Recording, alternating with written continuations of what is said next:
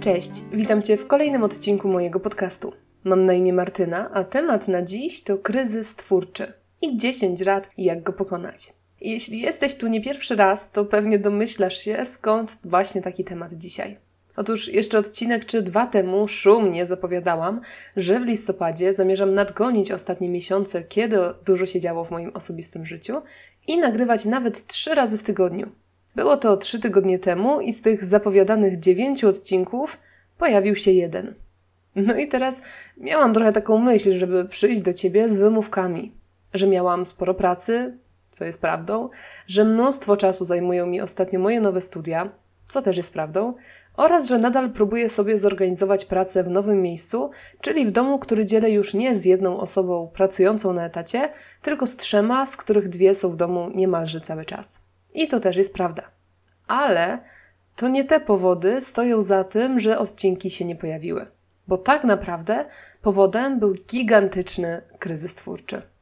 Widzisz, ja mam listę potencjalnych tematów do omówienia. I ta lista ma z 20-30 pozycji. Do tego mam rozgrzebanych kilka wątków, które gdzieś tam zaczęłam rozczytywać. A do tego wszystkiego dochodzą jeszcze kapitalne pomysły moich słuchaczy, którzy czasem piszą, żeby pochwalić, czasem, żeby skrytykować, a czasem, żeby właśnie podrzucić mi pomysł na kolejny temat. I to są zawsze dobre pomysły. A mimo to, przez ostatnie tygodnie, a nawet miesiące, nie potrafiłam nagrać niczego. Większość moich tematów wydawała mi się bezsensowna, płytka i zupełnie bez znaczenia. Przy większości tematów podrzucanych miałam poczucie z kolei, że przecież ja nic o tym nie wiem i nie nagram absolutnie niczego nowego i wnoszącego cokolwiek do życia ludzi. Bezustannie miałam poczucie, że wszystko, co zrobię, i tak będzie kiepskie, i nie potrafiłam zebrać myśli i napisać choćby zdania. I w końcu zaczęłam powoli myśleć, że może ja już po prostu powiedziałam wszystko, co miałam do powiedzenia, i najwyższy czas się po prostu zamknąć. I nie mówię tego, żebyś się nade mną użalał czy użalała, bo to nie tak, że zaczęłam łapać stany depresyjne i zaczęłam wątpić w siebie. Ale no nie czułam mocy i weny, żeby stworzyć tutaj cokolwiek nowego. I trwało to, jak mówiłam, tygodniami albo nawet miesiącami, bo nawet te ostatnie odcinki nagrywałam już naprawdę z niemocą i pełna wątpliwości. I w końcu doszłam do momentu, kiedy przyznałam się sama przed sobą, że jestem w kryzysie i muszę znaleźć sposób, żeby z niego po prostu wyjść. I obecnie czuję, że pomalutku udaje mi się odzyskiwać swój dawny kreatywny wigor i jestem na dobrej drodze, żeby znowu pobudzić ten mój twórczy chaos w głowie, który miałam w niej odkąd pamiętam, a który teraz zasnułam mgła, że tak poetycko polecę. I dlatego właśnie ja dzisiaj o tym, bo myślę sobie, że tak jak w związkach kryzysy są czymś naturalnym i na porządku dziennym, Taki kryzys twórczy jest stałą częścią pracy każdego artysty, czy w ogóle kogoś, kto zarabia tworzeniem czegokolwiek. I warto powiedzieć parę słów o tym, jak sobie z nim radzić i co może pomóc w wyjściu z takiej twórczej kolejny. No i o pierwszym kroku w sumie już wspomniałam. Jest to przyznanie się przed sobą, że to, co nas spotyka, to właśnie kryzys. To też pogodzenie się z tym, nie napinanie się i nie zmuszanie się do pracy mimo to, o ile mamy oczywiście taką możliwość. Jeśli więc czujesz, że utknąłeś czy utknęłaś i nie jesteś w stanie nic stworzyć, weź to na klatę i nazwij to. Jest to kryzys twórczy. Co ci to da? Po pierwsze, łatwiej się walczy z czymś, co ma nazwę i jest określone. To te nieokreślone i nienazwane strachy są najgorsze. Po drugie, wiedząc, że to kryzys, wiesz, że możesz go pokonać, możesz z niego wyjść, a często nawet wiesz, jak to zrobić. Po trzecie, przestajesz internalizować to poczucie niemocy. Przestajesz myśleć o tym, że jesteś beznadziejny czy beznadziejna, a przesuwasz ten problem poza siebie, bo to jest jakiś kryzys, coś, co możesz pokonać, coś, co możesz, możesz coś z tym zrobić i co wcale nie świadczy o tobie, o tym, jakim jesteś człowiekiem czy twórcą, ani nie świadczy o Twoim talencie czy jego braku. I wreszcie po czwarte, możesz też sobie odpuścić. Możesz podejść do siebie z większą łagodnością i cierpliwością uznając to, że przechodzisz przez trudny okres. I zamiast się żyłować i napinać, możesz odetchnąć i spokojnie ten problem rozwiązać. I tu tylko taka mała uwaga: kryzys może trwać tydzień, może trwać miesiąc, może trwać pół roku, a może trwać 10 lat. Im dłużej będziesz odwlekać zajęcie się nim, tym dłużej będzie trwał. Rada numer dwa: zadbaj o siebie. To banał, ale w 100% prawdziwy i turbo ważny. Sen, dobre odżywcze jedzenie, witaminy, ruch, świeże powietrze, mniej elektroniki i social mediów, a więcej przyrody. Mówi się, że z pustego i Salomon nie naleje. Jeśli jesteś wykończony, wykończona, źle się odżywiasz, nie ruszasz się, nie wysypiasz, to twój mózg nie pracuje tak, jak powinien. Nie masz takich zasobów poznawczych, jakie masz normalnie. No i twoja kreatywność ledwo zipie. Idziemy dalej. Zdystansuj się od swojej pracy. Jeśli jesteś fotografem, przestań na jakiś czas robić zdjęcia. Jeśli piszesz, nie pisz. Jeśli malujesz, odłóż pędzle. Jeśli grasz, schowaj instrument do futerału. Nie mówię, żebyś przestał czy przestała tworzyć tak całkiem, ale mówię ci, zdystansuj się od swojej własnej pracy i na przykład zajmij się inną. Jeśli na co dzień fotografujesz, złap za pędzle. Jeśli malujesz, złap za aparat albo napisz coś, nawet jeżeli nie potrafisz pisać. Jeśli piszesz książki, uszyj coś albo zbuduj karmnik dla ptaków. Z jednej strony zdejmiesz z siebie ciężar swojej sztuki i pracy, chociaż na chwilę, świadomie decydując się na nie zajmowanie się tym, a z drugiej, bawiąc się innym rodzajem tworzenia, odkurzysz trochę swoją kreatywność i być może odnajdziesz inspirację. Rada numer cztery: zrób coś inaczej, poeksperymentuj. Jeżeli odejście na chwilę od Twojego rodzaju sztuki Ci nie pomogło, wróć do niej i pokombinuj w jej ramach. Zmień miejsce, zmień sposób, zajmij się inną jej częścią. Jeżeli normalnie malujesz pejzaże, pobaw się abstrakcjami. Jeśli pracujesz na akwarelach, złap za farby olejne. Jeśli nagrywasz zwykle klipy reklamowe dla klientów, nakręć vloga albo odwrotnie. Jeśli na co dzień fotografujesz ludzi, idź do zoo i pofotografuj zwierzęta, albo przejdź się po mieście i zrób ujęcia architektury. A może zmień miejsce. Jeśli piszesz zazwyczaj na swoim komputerze stacjonarnym, weź laptopa i idź pisać do kawiarni. Albo w ogóle nie pisz fizycznie, tylko złap za dyktafon i zacznij sobie dyktować kolejne fragmenty książki i dialogi. Później je sobie przepiszesz. Albo, będąc fotografem, odpuść na chwilę zdjęcia, a zajmij się poprawkami na swojej stronie internetowej, napisz poradnik dla klientów przed sesją albo zaprojektuj sobie nowe wizytówki.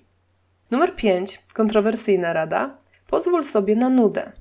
Jest to mało intuicyjne, bo jeśli nie stworzyłam odcinka od dwóch czy trzech tygodni, to raczej mam w głowie, że powinnam naparzać i absolutnie nie mogę sobie robić dalszych przerw i laby. Ale nuda to naprawdę nic złego. Tu taka mała anegdota. Jak wspominałam, w październiku przez dwa tygodnie byliśmy z mężem w Gołubiu Kaszubskim, gdzie testowaliśmy dietę warzywno-owocową. I były tam organizowane kilka razy w tygodniu różne wykłady. Na jednym z nich pani psychodietetyk chciała powiedzieć coś o nudzie, ale ledwo użyła tego słowa jakaś starsza pani, bardzo taka energiczna i żywiołowa, zaczęła głośno opowiadać i się przechwalać, że ona nigdy się nie nudzi i w ogóle nie zna takiego słowa, bo ona zawsze przez całe życie coś robiła, bo zawsze jest coś do zrobienia. I ona, jak ma tylko jakąś chwilkę wolną, to zaraz znajduje sobie jakieś zajęcie. No i ta pani psychodietetyk posłuchała, posłuchała, a musisz wiedzieć, że ten wywód naprawdę chwilę trwał. I wreszcie, jak ta starsza pani skończyła, to pani psychodietetyk skomentowała to, to całą opowieść trzema słowami. To bardzo niedobrze. I dalej wytłumaczyła, że nuda jest nam czasem bardzo potrzebna. Taki całkowity odpoczynek, bez zajęć, bez wyzwań i zadań. I ona to mówiła w kontekście psychodietetycznym, ale ja to dzisiaj powtarzam w kontekście psychologicznym i mówiąc o kreatywności. Widzisz, nie bez powodu najlepsze pomysły pojawiają się, kiedy bierzemy prysznic czy myjemy naczynia. Wtedy zwykle nie myślimy intensywnie o pracy i nie próbujemy czegoś napisać, stworzyć, namalować, tylko pozwalamy naszym myślom błądzić. I zwykle wtedy one same prowadzą nas do najciekawszych i najlepszych rozwiązań, na które w innych warunkach byśmy nie wpadli. Dlatego dobrze jest medytować, ale dobrze jest też się czasem po prostu ponudzić. Kolejny pomysł na walkę z kryzysem twórczym to fizyczne zmęczenie się, ale takie solidne. Uporządkuj przestrzeń wokół siebie, a najlepiej cały dom. Zrób przemeblowanie. Zajmij się pracą w ogródku. Ruch i pot, połączony z porządkowaniem czegoś, naprawianiem albo zmianą, robi nam to, co nuda, ale bardziej, bo gdzieś tam dodatkowo pobudza naszą kreatywność bardzo bezpośrednio, a od innej strony niż ją zwykle wykorzystujemy. Nie mówiąc o tym, że odświeżona przestrzeń to odświeżona głowa, więc i świeższe pomysły się w niej zapewne pojawią. To zresztą nie musi być gigantyczna zmiana i rewolucja w mieszkaniu. To może być przemalowanie jednej ściany, powieszenie innych obrazów, dodanie kilku ozdób albo właśnie ich uporządkowanie. I to już może przynieść efekty. Następna rzecz, jaką możesz zrobić, to poświęcić czas na aktywne szukanie inspiracji. Oglądanie filmów, przeglądanie YouTube'a i Pinteresta, czytanie książek. Żeby to jednak nie było marnowanie czasu i uciekanie od problemu, a szukanie iskry, która rozpali Twoją kreatywność, zadbaj o to, żeby to były odpowiednie filmy, książki i obrazy. Takie, które faktycznie mogą Ci pomóc w wyjściu z Twojej twórczej kolejny. Ty już sam najlepiej wiesz, jakie to są filmy, jakie książki, jakie obrazy, co Cię inspiruje, co Cię motywuje. Rada numer 8. Porozmawiaj z kimś. Nawet nie o kryzysie, przez który przechodzisz, ale w ogóle o życiu. Jedne z moich najlepszych odcinków powstały dzięki rozmowom z moją przyjaciółką, która mi niestety została w Warszawie. Nie zliczę godzin, które przegadałyśmy o pasji, biznesie, psychologii, facetach, związkach, rodzinach, obawach i milionie innych rzeczy. I nie zliczę odcinków, które powstały dzięki nim. Numer 9. Kiedy już poczujesz, że troszkę cię łapie ochota, żeby wrócić do pracy i coś zrobić, wykorzystaj ten moment i po prostu zacznij działać. W odcinku o micie motywacji mówiłam, że to nie działanie bierze się z motywacji, a motywacja bierze się z działania. I warto o tym pamiętać. O tym, że najpierw po prostu trzeba zacząć, a później jest szansa, że dalsze działanie już się nakręci samo. No i wreszcie ostatnia rada, która mam nadzieję pomoże Ci przerwać twórczy impas. Odpuść sobie perfekcjonizm, przynajmniej na jakiś czas. I mówiąc to, nie mówię odpuść sobie jakość. Nadal powinieneś czy powinnaś starać się wykonywać swoją pracę dobrze ale czasem utykamy, bo staramy się coś zrobić idealnie. A jak mówiła kiedyś, pamiętam pani swojego czasu, dawno temu, zrobione jest lepsze od doskonałego. Dlatego, zwłaszcza po okresie braku pracy i braku efektów, warto sobie trochę odpuścić i skupić się na tym, żeby w ogóle coś tworzyć, nawet jeśli nie miałoby to być dzieło Twojego życia. Na tym etapie najważniejsze jest nabranie rozpędu, a to zapewni Ci tylko działanie i kończenie nowych projektów i pomysłów. Okay, no i tak całkiem na koniec dwa zdania o tym, jak ja wygrałam z moim kryzysem, a przynajmniej mam nadzieję, że wygrałam. Po pierwsze, przyznałam, że go mam. I to był już duży sukces. Po drugie, zadbałam o siebie, zwłaszcza o sen. Po trzecie, przestałam nagrywać podcast, a zajęłam się wszystkim innym: warsztatami fotograficznymi, studiami marketingowymi, pracą graficzną, kursem projektowania aplikacji. Po czwarte, zamiast pisać czy nagrywać odcinek, zaczęłam się bawić programem do nagrywania, zrobiłam mini poprawki na stronie, przerobiłam czołówkę. Po piąte, wynudziłam się. Pograłam w gierki na telefonie, jakieś takie totalnie durne, obejrzałam kilka odcinków Gilmore Girls, pobawiłam się z siostrzeńcem i w ogóle nie czułam się winna. Po szóste, popracowałam w ogrodzie, uporządkowałam względnie nasze nowe biuro, poszłam na szybki spacer, zrobiłam trening. Po siódme, odpaliłam na Netflixie programy dokumentalne, które uwielbiam, a na YouTubie TED, TED Talks, wybacz, które podsunęły mi całą masę pomysłów i ogromnie mnie zainspirowały. I wreszcie po ósme, po prostu siadłam i nagrałam. I może nie zrobiłam tego i nie będę robić perfekcyjnie. Może nie każdy odcinek będzie super ciekawy i porywający, ale zrobiony jest lepszy od doskonałego. I nagrany odcinek jest lepszy od nienagranego. Po prostu.